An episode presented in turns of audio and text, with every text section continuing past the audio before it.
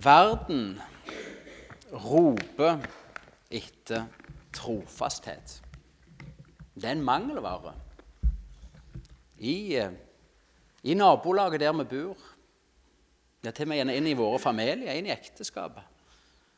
Eh, så mange lir på, på mangel av trofasthet. Eh, det er en utrolig stor ting, noe som bygger familie, ekteskap, nasjoner, menigheter. Trofasthet. Mennesker som forplikter seg til å være trofaste mot den sak, mot det kall, mot det liv som de vil leve. Eh, så det er en mangel på trofasthet. Men da er jeg så utrolig glad for at vi kan starte talen med første kor, Rinterbrev 1,9, der det står at Gud er trofast. Det er utgangspunktet. Eh, Gud han er ikke underlagt en skiftende dagsform. Det er ikke sånn at vanskelige omstendigheter gjør at Gud blir utrofast eller troløs. Nei, Gud er trofast. Han er alltid til å stole på. Han er alltid sann. Han er alltid rettferdig. Alt han gjør, er godt. Gud er trofast. Det er utgangspunktet for at vi sitter her i kveld. Og Det står videre i det verset Gud er trofast, Han som kalte dere til fellesskap med sin sønn Jesus Kristus. Eh, det har enorme rekkevidde, den sannheten som vi hørte her. Gud er trofast. Gud er alltid trofast. Gud er alltid trofast mot sitt ord. Så hver gang du lufter, leser en bibel eller hører fra Guds ord, så la det minne deg om og Nå vil jeg at dere skal si dette i kor etter meg.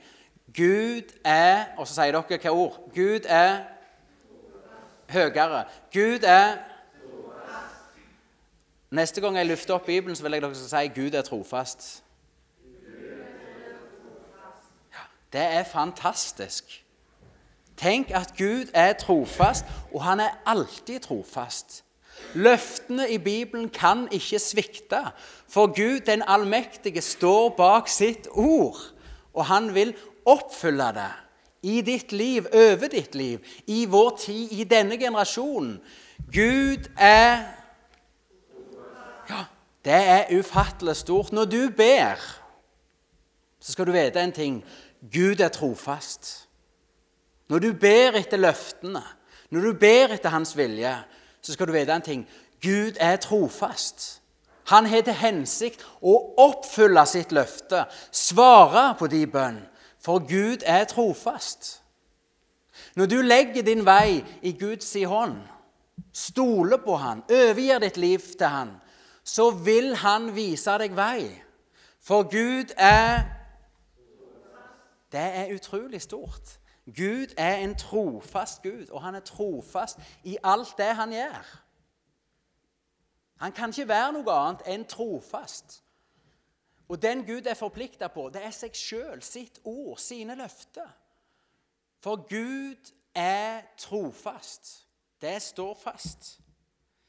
Eh, og i korset, som ble planta på Golgata, der viste Gud sin trofasthet mot en fallen menneskeslekt.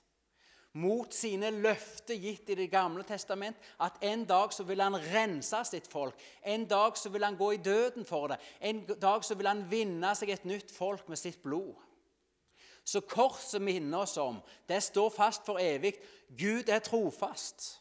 Bibelen sier at alle Guds løfter fikk sitt ja og amen i Jesus. For Gud er Det er utrolig stort. Det er noe du kan bygge livet ditt på. Det er noe du kan satse på. Det er noe du kan hvile i. Gud er trofast. Eh, jeg skal gi noen Jeg ble også spurt i denne mailen om jeg kunne gi noen personlige erfaringer på at Gud er trofast. Eh, og da skal jeg gjøre det. Jeg vet ikke hvor jeg skal begynne, for jeg har så utrolig mye å være takknemlig for. Gud er trofast. Eh, når jeg var 21 år gammel, da fikk jeg møte Jesus på ny. For Gud er Han kalte meg tilbake igjen til Jesus. Jeg fikk tro mine synder tilgitt. Jeg fikk lov til å se og forstå at Gud hadde en plan med mitt liv. At han ville lede meg, at han ville leve sammen med meg. At han hadde ting som jeg skulle få lov til å gjøre for han. Og Da ble det ikke sånt, noe kjedelig og tungt over meg at, at Jesus sier 'følg meg', men det, ble en brann i meg.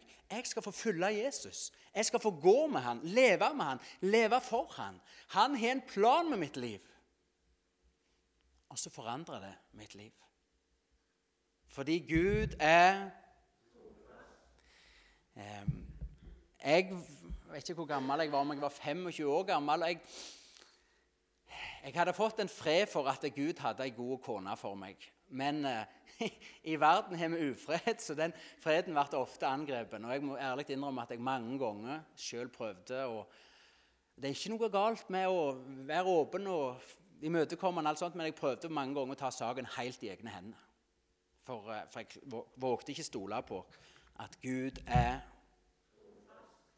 Men takk og lov, Gud lot meg eh, møte mange stengte dører. Det er også Guds trofasthet, for når du ber i villret og ikke ser veien sjøl Gud stenger ei dør, så skal du vite at Gud er Ja, og ei stengt dør kan også være et vitnesbyrd om Guds trofasthet. Jeg var nede på Sørlandet, nærmere bestemt på Oppda, på en eh, sånn eh, unge voksen-leir. Hadde nok litt dette her i bakhodet, at her kunne det gjerne være muligheter. Eh, men eh, det som møtte meg der nede, det som gjorde sterkt inntrykk den sommeren, det var ei nei, ikke god på alder, men ca. 50 år gammel dame. Helene 45. Jeg, jeg våger ikke si noe hun var da. Men som kom bort til meg. og Hun heter Merete Solgård. Og hun sa til meg Sølve Hun var veldig brudden, hun sa det. Hun tok meg på tomannshånd og sa Sølve, kan jeg få lov å be om at Gud skal gi deg ei kone? Ja! Det skal du få lov til. Og så spør er det greit at jeg deler det med bønnegruppa mi. For i Lundahaugen menighet eller byen så var det ei sånn god gruppe av bønnekvinner som ba. Ja, det vil jeg svært gjerne at du skal gjøre. Eh, og Gud, han er eh, Disse damene de var trofaste mot dette i bønn. De ba for meg. Eh, og Gud ga meg ei god kone. Hun sitter bak, Hege. Eh, og det ser jeg som et bønnesvar, ikke først og fremst på mine bønner, men på andre sine bønner. For Gud er Ehm, etter vi hadde fått Tiril, hun eldste jenta vår, så var Hege helt fortvila. Skulle jo tro hun var lykkelig å ha fått en unge, men, Hege, men Tiril hadde en hjertefeil, en bipolar lidelse, eller en sånn bilyd, som ikke var normalt, men som var noe som kunne gi grunn til bekymring. Det, nå vet jeg hvordan det er å være ei kvinne som akkurat er født, men de er ekstra på tuppene. Og hun var såpass grinete på tuppene at eh, det endte med at jeg fikk ei seng på sykehuset så jeg kunne være til stede for etter hun hadde fått denne tunge beskjeden. Eh, og det har vært til mange bønner fra vår side om at Gud måtte gripe inn. Eh, så var det en annen dag, eller etter en gudstjeneste, eller i forbindelse med gudstjeneste i menigheten, ei annen dame som tydeligvis hadde blitt minnet om oss og Tiril, som kom og ga oss et gullhjerte et smykke, et gullhjerte, for hun hadde blitt minnet om at Gud sier Tiril har et hjerte av gull. Og For oss så ble det utrolig Gud ser oss. Han ser vår sak. Og Hege sier sjøl at hun hadde en sånn fred når hun skulle inn på kontroll med Tiril, at nå er det i orden. og Gud er Legene fant ikke lenger noe hjertefeil. For Tiril hun hadde fått et helt hjerte, et gullhjerte. Eh, jeg, eh, I forbindelse med at jeg fikk møte Jesus på ny da jeg var 21 år gammel, så holdt jeg på å kjøpe en stor gard forbi Pollestad eller Podlest ute på Jæren. Og Da ba jeg òg igjen dette med stengte dører. Gud, har du en annen plan med livet mitt, så må du stoppe meg. Og det, det kan være, Så enkelt kan vi få lov til å be. Vi kan be Gud stoppe oss, for alt. Vår dømmekraft kan være sviktende, og hans veier kan ofte være andre enn våre. Så selv om jeg hadde det høyeste budet inne på den gården, så fikk jeg ikke den gården. Og da tenkte jeg nei vel, da har Gud en annen plan med livet mitt. Eh, og Jeg hadde lyst til å fortelle andre om Jesus, så jeg tok kristendom grunnfag. Og Grunnfag ble det hele prestestudiet. Og jeg tenk, tenkte på den tida at for meg til å følge Jesus vil si å måtte si nei til å bli bonde. Jeg skulle være emissær eller prest eller misjonær. Jesus hadde kalt meg til heltidstjeneste. Derfor var overraskelsen stor etter ca. tre år som prest, eh, når jeg i mine bibel- og bønnestunder fikk en helt klar tanke som kom til meg. Det var Sølve. Nå er tida inne for å bli bonde. Jeg vågte ikke tro at dette virkelig var Jesus. Det var jo en gammel drøm. Eh, så jeg vågte ikke ta det inn over meg. Men det var mange ting som skjedde. Eh, en gang jeg ble bedt for av en god eh, kamerat uten jeg hadde sagt noe, så sier han det Sølven, jeg ber for deg. Så tenker jeg bare på Hans vold. Og Da begynte jo hjertet mitt å slå litt mer. Hvis dere ikke vet, Hans vold er en godkar god ute på Jæren. Han var bonde, men også en som brant for Jesus og var forkynner. Da begynte hjertet mitt å slå litt. Kan det virkelig være Jesus som sier Sølve, du skal få bli en Hans vold? Du skal få lov å være en bonde som forteller andre om meg. Men Jeg vågte fortsatt ikke tro det. Men litt seinere leste jeg i Bibelen i Markus 10. Der sier Jesus at den som gir avkall på hus og ågre, så gir han andre eksempel, for mitt navns skyld, han skal få i den nåværende verden hus og ågre, men også forfølgelse, og i den kommende verden evig liv. Hva er et hus sett på en åger? Litt ledende spørsmål. Hva er det? Det er en bondegård. Hvem skulle få en bondegård, sier Jesus. Han som for mitt navns skyld har gitt avkall på det. Og da sa bare jeg jeg vet ikke om jeg sa det, men da var det halleluja. Dette verset ble levende for meg. Det var Jesus som sa, 'Sølve, du var villig til å forsake bondegården. Nå er tida inne. Du har gitt avkall på det for mitt navns skyld. Du skal få det i den nåværende verden.'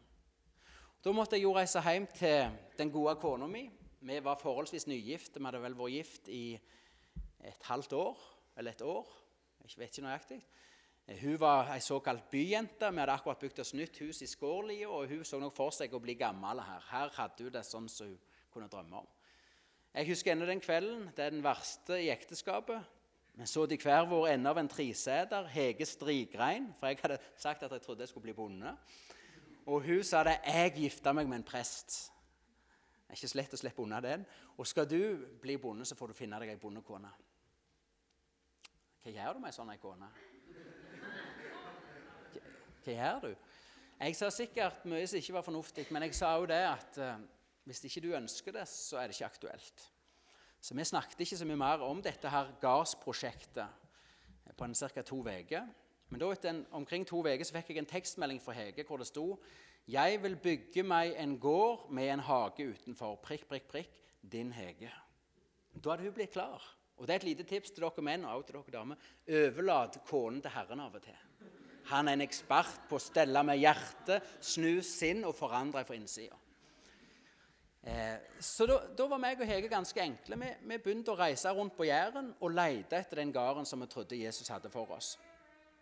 Vi setter jo opp noen ønsker for hvor det skulle være. Hege hadde bl.a. at det skulle ikke være lenger enn et kvarter ifra kvadrat. Høres jo litt sprøtt ut å si det. Ikke lenger sør enn til Klepp. Jeg hadde en guttedrøm om at jeg skulle ligge på et høydedrag, så jeg kunne se tankbåtene i Nordsjøen. Eh, så litt sånn enfoldig så begynte vi å reise rundt og se etter høydedrag rundt på Jæren, etter en gard som, som, Gud hadde for oss. Ikke lenger sør enn til Klepp. Og Jeg kan ikke forklare det sånn logisk, men jeg ser i mine notater fra den tida at område etter område er kryssa ut, og til slutt så konsentrerte vi oss om høydedrag rundt Klepp. Og En dag så stoppet vi bilen i veikanten ut forbi der vi nå bor. Vi ba, og så ser vi bare på hverandre så vi har fått en sånn ro. Her skal det være. Dette er plassen Gud vil gi oss. Og Da går jeg og ringer på døra, sier hvem jeg er, at jeg er på jakt etter gard. Om denne var det salgs eller forpaktning? Nei, han var ikke det. Men bonden trang, en avløser. Greit, sier jeg, jeg kan være avløser. Og Jeg tenkte jo at gjerne som Jakob i Bibelen, som var dreng noen år før jeg får det jeg var lovt. Så samtidig med dette, eller I forbindelse med dette så sier jeg også opp jobben som prest. Det tror jeg var 15. mars. Oppsigelsestida var fram til 1. august.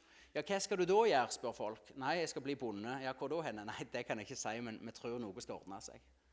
Så meg og Hege vi bare takte og ba til Gud om at saken var i hans hender. Hvis vi skulle få dette, så skulle han gi oss det. Vi skulle ikke prøve å grave det til oss eller være smarte.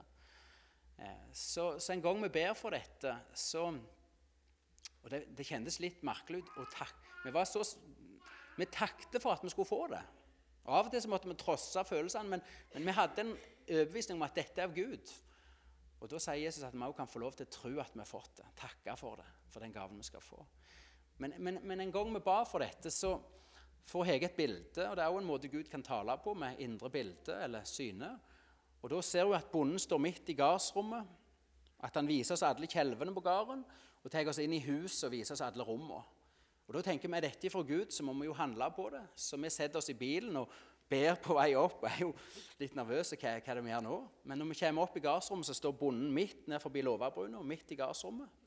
Han viser oss alle kjelvene på gården. Og når jeg gikk ut av bilen, så var det sånn frysning på ryggen, for da sa han Sølve, du må huske på sånn og sånn den dagen dere skal bo her. Den dagen du skal bo her. Det hadde skjedd noe med tankene igjen. Gud hadde gjort noe med tankene hans. Han hadde fått en vilje eller en lyst, en tanke om at vi skulle få bo der. Og Han tok oss inn i huset og viste oss alle rommene. Så for oss så ble det en enorm bekreftelse. Gud har kontroll. Saken er i hans hender. Vi skal vente. Og igjen, det går flere måneder, og ingenting skjer sånn ytre. Men eh, en dag, Og vi kjente litt press fra omgivelsene, for folk begynte å lure på hva skjer med dette luftslottet deres. og gard, Vi ser ikke noe. Og mor og far min var bekymra, for de hadde en gjeve sønn som var prest, men nå var en svermer på gardsjakta. Ja, vi kjente presset, kort og greit. Og Da sier Hege en dag nå må vi be noen dristige bønner. Ja, det var jeg klar for. Og vi ble enige om at vi skulle be Gud om et gjennombrudd når det gjaldt gården. Dette var en onsdag. Igjen så var vi litt sånn enkle og praktisk anlagt. Vi hadde mye avtaler i helga, så vi anså det ikke som at det, vi hadde ikke tid til gjennombruddet da. Så vi ble enige om å be om et gjennombrudd på mandagen over helga. Så vi ba for dette, og mens vi ber for dette gjennom uka, så får Hege et nytt bilde hvor hun ser eh, meg, bonden, og en tredjeperson sitte med et bord og skrive på et ark. Og når hun deler dette, så sier jeg bare 'Yes, det er kjøpskontrakten'. Så da reiser jeg mandags formiddag med hjertet i hendene, for tenk hvis vi hadde tatt feil. Det går an å ta feil. Opp til bonden. Men det fantastiske for oss det er at bonden sjøl foreslår den formiddagen at vi skal kontakte hans regnskapsfører Martin Svebestad på Klepp gardsregnskapslag og sette opp en kjøpskontrakt. Og Mindre eller ca. en uke senere har vi fått kjøpe gården som om vi skulle ha vært hans arvinger. Jeg sier ikke dette for at jeg sier at alle som følger Jesus, blir bønder, men det var Guds vei for meg. For Gud, han er, han er trofast i alt han gjør. Og han har vist sin trofasthet grunnleggende på korset som ble planta. Hvor han viste at han binder seg til oss mennesker. For vår frelses skyld så viste han sin trofasthet. Men så lengter han også etter å få vise seg som en trofast Gud og Herre i din og min hverdag, i vandring og i livet med Jesus. At vi våger å legge vår vei i hans hånd overgi vår liv til han, stole på hans trofasthet, så lengter han etter å åpenbare seg, vise seg som en trofast Gud i alt han gjør med oss og for oss. Og Det leder meg til neste punkt på talen. Og det er at Gud kaller deg og meg til å være trofaste etterfølgere av Han. At vi skal leve i en trofasthet som avspeiler hans trofasthet, fordi vår Gud er Vi skal være et folk som lever i trofasthet. Det er ditt kall. Det er Guds kall over ditt og mitt liv. Og i Mika 6,4 så kan vi lese Menneske, Herren har jo sagt deg hva godhet er, og hva Han krever av deg, at du skal gjøre det som er rett, vise trofast kjærlighet og vandre ydmykt med din Gud. Og Så står det i Efeserne 5,1.: Bli derfor Guds etterfølgere, dere som er Hans elskede barn. Gud vil at du og meg skal følge etter Han på en bokstavelig og konkret måte i hverdagen. Leve liv som vitner om hans trofasthet. Gud ønsker å gjøre deg og meg til trofaste kristne. At vi er kristne som våre ord er til å stole på. Våre liv er til å stole på. At vi er trofaste i alt vi gjør. At vi er noen som mennesker kan regne med. At vi er venner som er trofaste. Inn i det kristne fellesskapet. At vi ikke er sånne som sitter på gjerdet og lurer på om vi skal engasjere oss, men at vi som de gamle går for seier. Om det skulle være inn i døden, som går vi til seier. For vi går i Kristi seierstog. Vi har forpliktet oss, vi har bundet oss til Jesus. Vi er sendt til verden, vi er gitt til verden. Vi er hans etterfølgere. For det er det som er så fantastisk. Når vi har fått mottatt Guds trofasthet i Jesus, så er vi bundet til Jesus. Vi er forent med han. Forent med hans død, oppreist med den samme kraften som reiste han opp ifra grava. For å vandre, for å leve som hans vitner, som hans ambassadører, som hans tjenere. Vi er forplikta på et nytt liv. Et liv som vitner om en trofast Gud. Og om eh, de første kristne så står det i apostelgjerningene 2,42 De holdt seg Og så kommer ordet igjen. De holdt seg trofast. Kan dere si det? De holdt seg til apostlenes lære til eh, fellesskapet, til brødsbrytelsen og bønnene. Det er kjennetegn av de første kristne at de var trofaste. Trofaste mot Guds ord, mot Guds løfte, mot eh, Jesu verk på korset. De holdt seg til brødsbrytelsen, det som hadde vært starten på et nytt liv med korset. De holdt seg trofast til det. De mindes Herrens død. De levde av hans offer på korset, og de levde for han. De første kristne de holdt seg trofast til bønnene, til å søke Jesus som fellesskap, men også alene i sitt lønnkammer. Trofaste mot fellesskap med Jesus i bønn. Trofaste med å lytte til Guds ord i Bibelen trofaste inn i brødrefellesskapet, inn i det kristne fellesskapet. De visste hvem som ville komme når de samles. De visste at er vi en del av fellesskapet, ja, vi holder oss ikke vekke. Vi har gitt oss først til Gud, og så til dette fellesskapet. De var trofaste mot hverandre, mot fellesskapet. Var det en som lei, så lei de alle. Og Det er det sterke bildet Bibelen har av et kristen fellesskap, med Jesu legeme. Kan det være sånn at legemet her mangler noe av sitt klarsyn fordi et øye nekter å være øye? Kan det være sånn at vi som legeme her vi mangler evnen eller kraften til å utføre noen byrder, bære noen oppgaver Gud lagt langs veien, fordi den som er hånd, nekter å gripe? Og så har Jesus eller Bibelen et sterkere bilde med at vi er gjensidig avhengige av hverandre som kristne, som et kristen fellesskap. For dere er et legeme. Skal hånda gripe det som ligger på bakken, og følge signalet fra hodet, så må vi ryggen, alt være villige. Skal vi ta i et skikkelig tak, så må jo hele kroppen være med. Og Så sier Bibelen at det er ikke sånn at noen kristne er lite viktige for fellesskapet. Nei, den lem som synes å være svakest, gir Gud mest ære. Vi trenger hverandre. Bibelen sier at se den enkelte, se alle dere som tilhører Jesus. Så er Den hellige ånd delt ut sine gaver, sine nådegaver. Kraft og evne til tjeneste. Og er det en lem, en del av kroppen, som lir, som er passive, som har satt seg, som sitter på gjerdet? Hele legemet lir. Noe av det Gud hadde tenkt skulle skje i fellesskapet, det får ikke skje. For vi er bundet til hverandre. Vi er gjensidig avhengige.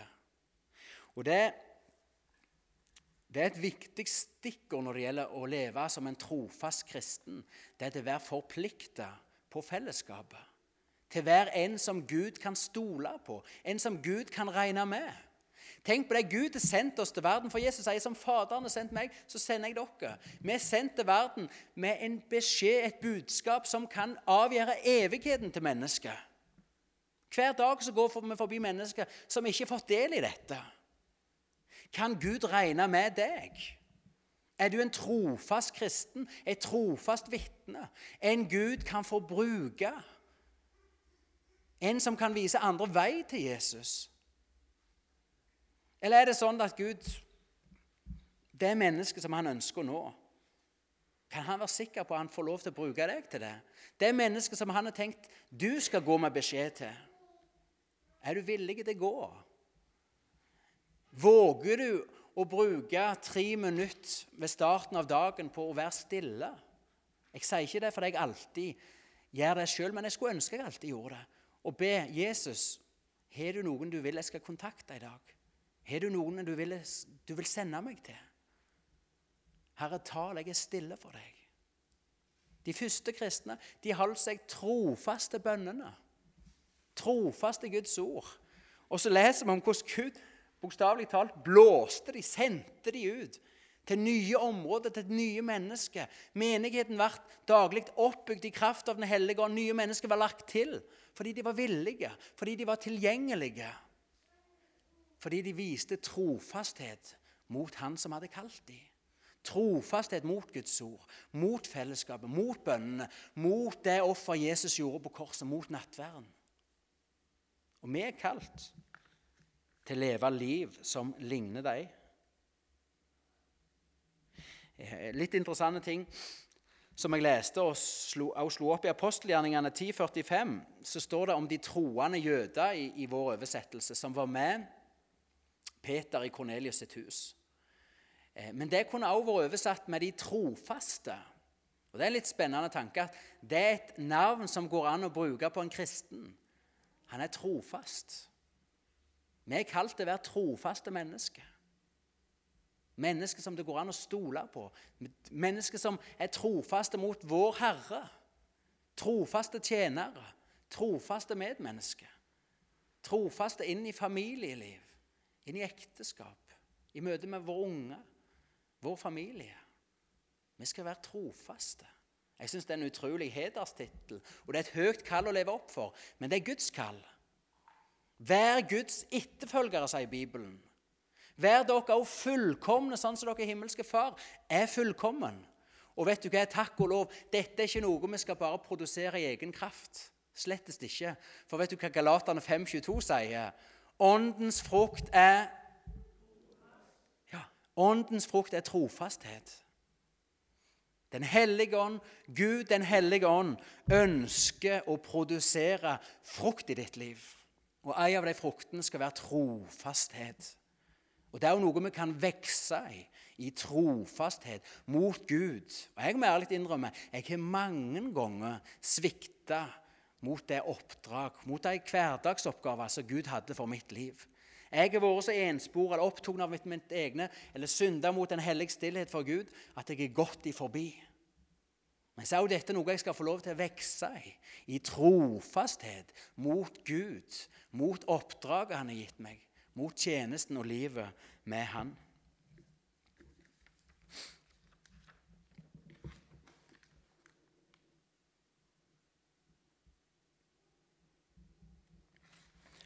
Jeg har allerede vært inne på det, men jeg har et eget punkt her som heter at trofasthet handler om forpliktelse.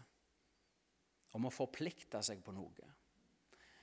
Eh, Det er ikke så populært å si nå for tida, men tro det eller ei, men eh, et, livet som kristen det er et liv som er forplikta på å leve ut. Jesus trenger at du vil leve det nye livet ut, ja, at han kan få leve det i deg. Å være en kristen det leder inn i et forpliktende liv. Der vi er bundet til Jesus, og der vi er sendt for å gjøre det han vil vi skal gjøre. Eh, et lite sånn eksempel som dere alle har hørt mange, mange ganger, det er jo i kirka når to mennesker, mann og kvinne, gifter seg. Så lover en at en vil elske og ære den andre og forbli trofast i gode og onde dager inntil døden skiller. Og vet du hva? Hvis disse to som lover hverandre dette, vil la seg forplikte av sitt løfte, vil stå ved dette i gode og onde dager, vil velge ting vekk som kommer i konflikt med til elske og ære for å bli trofast, vil rydde det vekk ifra livet sitt, så de kan gi seg til den andre i trofast kjærlighet til ære, til å forbli i gode og vonde dager. Vet du hva? Det er dynamitt, det er næring. Det får et ekteskap til å blomstre. Det gir liv å binde seg til løftet om troskap. Sånn er det òg i kristenlivet. Det gir liv. Det gir hjelp til å velge, til å prioritere, til å velge vekk. Hvis du ønsker å forplikte deg på den troskap du skylder Gud. For du er kjøpt med Jesus sitt blod, sier Bibelen. Du lever ikke lenger for deg sjøl, men du er kalt til å leve for Han som gikk i døden for deg. Og Romerne 6 sier at vi skal ikke lenger stille vår kropp, våre evner, vår kraft i tjeneste for synd, til det som er urett, men i tjeneste for Gud. Det er kall over ditt og mitt liv. Det er det vi er forplikta på. Det er det vi jobber mot, lever for, strekker oss etter. Å forplikte seg på det Gud vil, det handler også det handler om å si ja til Gud og la det være et ja. Men det handler også om å si nei til så mye annet. Og Det er gjerne her vi lett kan lure oss sjøl, for vi vil så gjerne si ja til Gud. Som gode kristne så vil vi jo si ja, Gud. Ja, Gud. Men samtidig så er det så utrolig mye annet vi vil si ja til. Og så blir vi dratt i mange retninger. Og så mister ja-en, overgivelsen til Gud, sin kraft hvis vi ikke lar ja til så mange andre ting bli til et nei. Hvis vi ikke lar det være et rungende ja til Gud.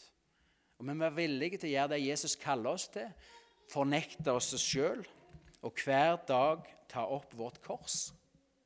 Hver dag la oss forplikte på det nye livet, livet for Han. For Jesus sier at den som vil berge sitt liv, den som vil prøve å leve livet for seg sjøl, søke sin lykke, sin vei, han mister livet. Men den som mister sitt liv til meg, sier Jesus, han vinner livet. Sånn er Guds rike. Hver dag er du og meg kalt til, å fornekte oss sjøl. Det vil si, vi sier nei til våre drømmer som er uten Gud. Til vår vei som ikke er Guds vei. Vi sier nei til det. Vi snur oss ifra det. Og så snur vi oss til Jesus og sier vi, 'Jesus, her er jeg. Du må ta meg akkurat som jeg er, men jeg vil leve for deg i dag.' Jeg vil bære korset. Jeg vil forplikte meg på livet for deg, på vandringa med deg. Jesus led vei. Og Da blir det liv inn i kristenlivet. Da blir det kraft, Guds kraft. Da blir det retning. Da blir det skritt framover. Da får vi leve og vandre i de ferdiglagte gjerningene som Efesene 2,10 sier at Gud har for oss. Tenk på den spennende tanken. Gud har planlagt noe med tanke på deg, og så har han lagt det ferdig på din vandringsvei for at du skulle gå inn i det, for at du skulle stå i det, kjempe i det, gi deg sjøl til det og fullføre et verk Gud vil ha fullført. Det er spennende tanke. Det er en stor tanke, en forpliktende tanke. Her jeg har også et punkt, jeg skal ikke si mye om det, men sammenhengen imellom at vi er tro Ja, nå glemte jeg jo det jeg ville si. I sommer da har jeg eh, arbeidet litt med kraft. Og kraft i betydning overføring av strøm fra ei linje inne i fjoset ut til ei linje der kyrne går. For når vi har kyrne ute, så har vi gjerne et strømgjerde rundt for å holde dem på plass. Eh, og når du skal, nå er det sikkert, Jeg vet det er elektrikere i salen, og dere kan dette mye bedre enn meg, men når du skal overføre kraft fra ei linje til en annen linje, så trenger du selvsagt en ledning som, som går over. Men du trenger òg en ting til. Du trenger en skikkelig jording. Hvis du ikke har en jording, skikkelig kontakt med bakken, så er det umulig å overføre kraft fra en linje til en annen. Og Mens jeg jobbet med dette i sommer, så talte dette veldig til meg òg om kristenlivet. At vi ber, og vi er sikkert mange som ber om Guds kraft. Men skal Gud fra himmelen kunne overføre sin kraft til oss, vet du hva? Vi må være bonden til jorda. Vi må først være bonden til Jesus, men så videre bonden til de oppgaver og tjenester som Gud har for oss. Gud kan aldri overføre den fylde av kraft som han vil til en kristen som sitter på gjerdet og vil se det litt an. Det går ikke. Men det er en kristen som forplikter seg på Guds kall for livet, som gir seg til den tjeneste og de oppgaver som Gud har, som sier 'ja, Gud'. Vet du hva? Han han får lov til å bli som denne her kraftlinja som kan overføre, kan motta kraft fra himmelen og gi det videre i tjeneste for Jesus. Vi må binde oss. Det er så viktig at vi forplikter oss. Binde oss på Guds kall, på de oppgaver Gud har. At vi ikke bare vil se det litt an og hvis jeg føler for det, så skal jeg si ja. Eller, eller hvis det passer, jeg må se hva tid jeg har. Hvis det er Gud som kaller, Hvis du er trofast mot Gud i bønn, i Bibelen, i det kristne fellesskapet, leve under korset, vet du hva? Du skal få klarsyn, du skal få innsikt i Guds vilje. Og Da skal du si et rungende ja når Gud kaller. Så skal du binde deg til det. Vær en som Gud kan regne med. Vær en som menigheten kan regne med. Ja, når han, Thomas har sagt ja, da vet vi at det er et ja. Han stiller opp. Han er trofaste. Han kommer hver gang. Han kommer forberedt. Han har gitt seg til dette. Gud er trofast, og han har kalt oss til å være trofaste. Til å forplikte oss på det nye livet. Forplikte oss på tjenesten og oppgaven som han har for oss.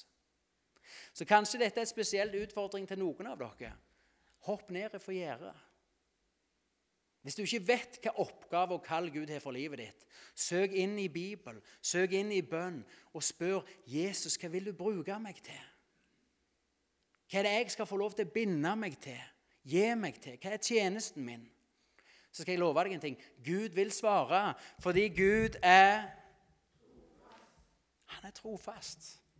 Du skal få lys nok til å gå famlende skritt, til å ta vaklende valg. Så skal Gud gjøre det fast underveis. Så skal Han styrke føttene dine når du begynner å gå på den vei Han har for ditt liv. Eh, å forplikte seg til tjeneste vet du hva, det, det handler også om å gå når det koster. Når du heller ville sittet hjemme og sett på den serien, eller bare slappet av på sofaen, eller endelig hatt en kveld for deg sjøl. Det koster òg å si et helt ja til Jesus. Men så er det ikke prisen vi tenker på, men det er nåden som Gud får virke i oss og gjennom oss. Og når jeg tenker på trofasthet, så tenker jeg òg på Gunnar Nærland. Sikkert ukjent for alle dere. Men vet du hva? Gunnar hadde et vanskelig liv på mange områder. Det var ting som, kunne, som han måtte stå i, som, som var vanskelig. Eh, for det er ikke sånn at Gud alltid gjør sin dans på roser. Men vet du hva Gunnar var? Han var, eh, han var med på Salte søndagsskole sikkert i ja, så lenge jeg kan huske. Han var gjerne der i 40 år. Han var alltid der med det lune og godslige vesenet sitt, med lusekofta og vet du hva Gunnars oppgave var? Det var å komme tidlig og sette på strømmen så det var varmt når vi kom. Og så klistra han stjerner på himmelen i søndagsskolebøkene våre, eller fiska i garnet. Og så sa han 'Sølve så godt, så se deg'. Han var trofaste. Trofaste med å sette på varmen i Guds hus. Vi klistra stjerner på himmelen å se unger si 'så godt å se deg'. Å være trofast handler også om å stå i noe over tid. Vi trenger utholdenhet, sier hebreerne, og vi skal gjøre Guds vilje. Ikke være så rask med å trekke deg fordi det bytter litt imot. Eller du ikke kjenner på den store inspirasjonen. For all del, vi har ulike gaver og utrustning. Men selv når du er på rett plass, det vil koste deg noe. Du må si nei. Du, du blir aldri ferdig med å si nei til deg sjøl. Men så skal du få erfare at Gud er med. At Gud er trofast. Og Så sier 1. Korinter kapittel 15 og vers 58.: Arbeid raust og rikelig for Herren, for dere skal vite at deres strev i Herren aldri er forgjeves. Takk og lov. Gud er ja, Når du gir deg sjøl til Han, står i det Gud har kalt deg til, så er det aldri forgjeves. Selv om ikke du skulle se alle fruktene av ditt liv, av dine bønner, av din tjeneste, av det du har forstått i, så er Gud trofast. Det er aldri forgjeves å gi seg sjøl til Jesus og i tjeneste for Han. Til slutt trofasthet. Det er også en sammenheng mellom vår trofasthet og åpenbaring ifra Gud. Det er en sammenheng mellom det at du forplikter deg. At du som de første kristne trofast søker inn i ordet, inn i bønnen, inn i det kristne fellesskapet, rundt nattverdsbordet og i tjeneste for Gud i verden. Og det at Jesus åpenbarer seg for deg gjennom sitt ord ved sin ånd. Jesus sier selv i Johannes 14, 21, Den som kjenner mine bud og holder dem, Han er det som elsker meg. Og den som elsker meg, skal min far elske. Ja, også jeg skal elske ham og åpenbare meg for ham. Den som kjenner mine bud, den som kjenner mitt ord, den som bøyer seg inn under ordet, inn under Guds vilje, den som lar seg forplikte på Guds kall over livet. Vet du hva?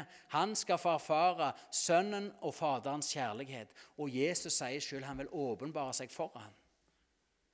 Den som er tru i smått, det er også et bibelsk prinsipp, han blir sett over mer. Den som viser seg som en trofast tjener på en post, han blir sett over mer. Gud ønsker at din innflytelse i verden for Guds rike skal være veksende. Rettere at Gud gjennom deg skal få lov til å gjøre mer i verden. Ikke sikkert at det blir noe som verden syns er stort og flott. Slettest ikke. Men Gud ønsker trofasthet, troskap, for oss som tjenere og forvaltere. Sånn at han kan settes over mer. Sånn at hans innflytelse på mennesket kan øke gjennom våre liv. Og så lover Jesus at 'den som har mitt ord, mine bud, og holder de, han vil jeg åpenbare meg for'. Du som bruker det lille lyset du har fått, Gud vil gi deg mer lys. Det er et prinsipp i Bibelen. Be, så skal du få. Leit, så skal du finne. Bank på, så skal det lukkes opp for deg. Gå med det Gud har gitt deg. Stå i der Gud har kalt deg. Så skal Han kalle deg videre. Så skal Han gi mer ansvar og myndighet i dine hender. Den som er tro i smått, er også tro i stort. Lukas 16, 10. Og Jesus sier i Lukas 19, 17, fordi du har vært tro i smått, skal du få styre ti byer. Og der I Lukas 19 så er jo fortellingen om når Jesus betror ulike mennesker et pund. De får noe de skal forvalte. Og alle vi her inne har fått noe vi skal forvalte for Gud. Er vi trofaste mot det vi har fått til å forvalte? Mot den nådegave, mot den tjeneste, mot den liv vi skal leve for Han? Eller spar vi det ned? Fordi du var trofast i smått, så skal du få styre ti byer. Gud ønsker å gi mer i dine hender, mer du skal forvalte i troskap mot Han. Men vi må vise vår troskap i det små. Der vi er nå, inn akkurat der vi er nå. Mot de mennesker som Gud lar oss møte. Mot den tjenesten vi har fått. Så skal vi lese en tekst fra 1. Tesloniker, kapittel 5, eh, og vers 17 eh, vers 16 til 24. Nei, vi tar med vers um, um, Jeg kunne, tatt med mye her. Vi tar fra vers 15. La ingen gjengjelde ondt med ondt, men strev alltid etter å være gode mot hverandre, ja, mot alle. Vær alltid glade, be uavbrutt. Takk Gud under alle forhold for dette er Guds vilje med dere i Kristus Jesus. Slukk ikke ånden, forakt ikke profetord, men prøv alt og hold fast på det gode. Hold dere borte fra ondskap av alle slag. Må Han, fredens Gud, hellige dere helt igjennom, og må deres ånd, sjel og kropp bli bevart uskadet, så dere ikke kan klandres for noe når vår Herre Jesus Kristus kommer. Trofast er Han som kaller dere til dette han skal også fullføre det. Tenk på det løftet over livet ditt. Her sier Gud, legg vind på alt dette. Takk Gud under alle forhold. Be alltid. Forakt ikke profetordet. Prøv alt. Hold dere for ondskap av alle slag. Så er det andre ting òg. Trofast er Han som kalte dere til alt dette. Trofast er Han som kalte deg til dette livet. Trofast er Han som ber deg om å leve i dette. Han skal òg fullføre det. Ser dere den store nåden? Når vi lar oss forplikte på dette livet, sier ja til dette livet, sier ja til Guds ord, til Guds vei Jeg vil gå den veien, Jesus. Så lover Gud Han som kalte oss til dette, han er trofast, og han skal også fullføre det. Så jeg vil egentlig be dere om å ta et valg. Forny ditt valg jeg, i kveld. Jeg vil være en trofast kristen. Jeg vil være en Gud kan regne med. Jeg vil ikke sitte på gjerdet og se det an, men vet du hva? jeg vil gi meg sjøl til Jesus og tjenesten for han, og så vil jeg gå til seier. For det er det som skjer når vi går med Jesus, gir oss til hans kall. Da går vi til seier. Det var de gamle frelsesoldatene sa det. Det går til seier. Og vet du hva deres motto og fane var? Ild og blod. Det er der vi er kalt til å stå. Under korsets blod, med Den hellige ånds ild, og så går vi til seier.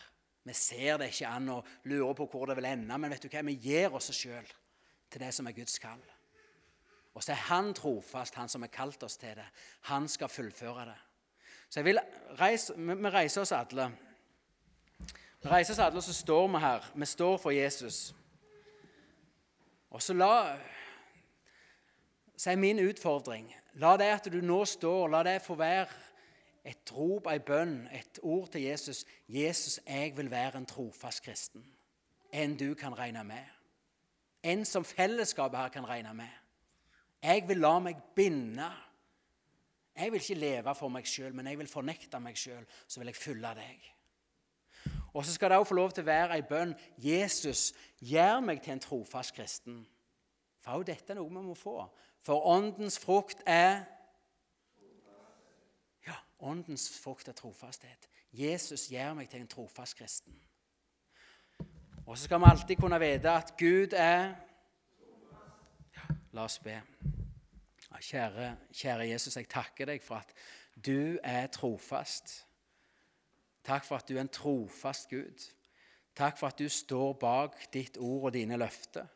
Takk, Jesus, for det kors som ble planta på Golgata at du viste din trofasthet mot løftene som var gitt. At du viste din trofasthet, at du er en Gud som vil menneskets frelse. Takk, Jesus, for at det fins en vei til frelse midt i denne verden som ligger i mørket. Midt i denne verden som er skrikende behov av trofasthet, og få del i din trofasthet. Takk, Jesus, for at vi har fått lov til å finne frelse i deg, i ditt blod med ditt kors. Og så er vår bønn, Jesus, du ser vi står for deg, og vi ber deg om at du må reise oss opp til være trofaste kristne. Vi ønsker å binde oss til deg, Jesus, først, og gi oss sjøl til det liv du kaller oss til å leve ut i trofast kjærlighet. Og Jeg ber Jesus for hver og en som står her. Jeg ber om at den enkelte må få bli kjent med de små og store oppgaver som du har forberedt nettopp for deres liv. Og Jeg takker deg, Hellige Ånd, for at du i den enkelte her gir deg til kjenne og deler ut dine gaver. Og Jeg ber også at den enkelte må få bli kjent med den utrustning som du har til vandringa. Med den utrustning du har for deres vandring. Så takker jeg deg, Gud, for at du som kalte oss, er trofast, at du vil fullføre det. Takk, Gud, for at du er en trofast Gud i alt du gjør, i alt du sier. Vi takker og priser deg i Jesu navn. Amen. Så kan vi bare bli stående, og så synger vi 'Stor er din trofasthet' sammen. Eh, teksten kommer opp. Hvis noen er i stand til å spille noe til den, så er det flott, men eh, vi skal synge den. Eh, så